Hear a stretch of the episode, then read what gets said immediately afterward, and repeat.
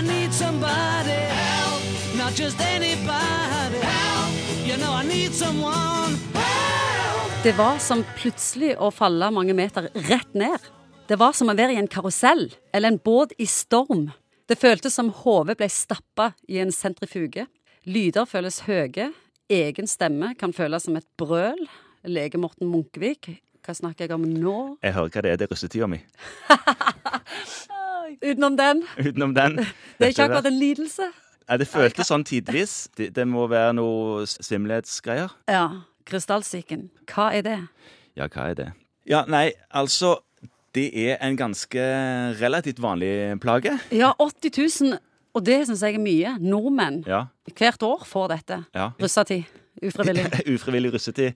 Ja, uten godene, liksom. Nemlig. Ja, det er ikke bra. Man vet ikke nøyaktig akkurat hvorfor det er der kommer, men man tenker seg at det er løse fragmenter som ligger inni balanseapparatet i øret. La meg bare si litt først om hva som gjør at du eh, har en følelse av hvor du er i rommet, og hvor kroppen din er i rommet. Det er tre apparater som jobber sammen om det. Det er synet. Du ser hvor du er henne. Det er leddsans, som, eh, hvor du har en slags føler i alle ledd, i ankler og knær og hofter og sånne ting, så du vet hvor du har beina uten at du trenger ikke sitte og se ned på dem. Og i tillegg har du dette inni øret. Og de tre apparatene de jobber sammen om å gi hjernen et enhetlig inntrykk av hvor kroppen er henne. Og når det kommer sånne løse fragmenter inni likevaktsapparatet inni øret, så begynner det å gi annen type info enn de andre systemene gir. Og når det blir kluss i infoen som kommer fra de forskjellige systemene, så vil hjernen ikke vite hva han skal gjøre, og oppleve det. Du vil oppleve det som svimmelhet. Ja, at, som om du beveger deg 15-40 sekunder etter du har stoppa. Ja, sant? Og, og, og, og, at du plutselig faller til én side eh, uten at du kanskje gjør det, men så gjør du det likevel fordi kroppen, hodet, klarer ikke å tolke alle disse signalene som kommer. Er du svimmel hele tida, eller kommer det som anfall? Det kommer som anfall. Når jeg leser meg opp på dette, så sto det veldig ofte den mystiske krystallsyken. Og det kommer av at en ikke vet helt Ja, men hva det ikke er. helt eh, klare på mekanismene som ligger til grunn for dette her. Du kan godt kalle den mystisk, ja.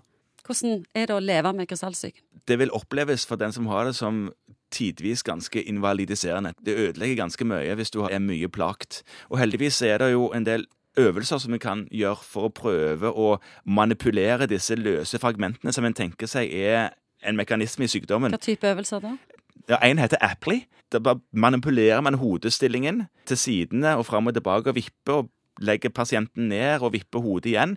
Og på den måten skal man prøve å la de fragmentene som lager krøll, legge seg på plasser hvor de ikke lager like mye krøll lenger. Så hvis det er snakk om øvelser, så har dere ikke noe medisin for dette? Medisiner har veldig liten plass i behandlingen av denne typen lidelse, bortsett fra eh, at det går an å gi eh, kvalmestillende. Er dette kronisk? Man, man har nok tilbøyeligheten til å få det tilbake igjen. Man har gode og dårlige perioder som kommer og går.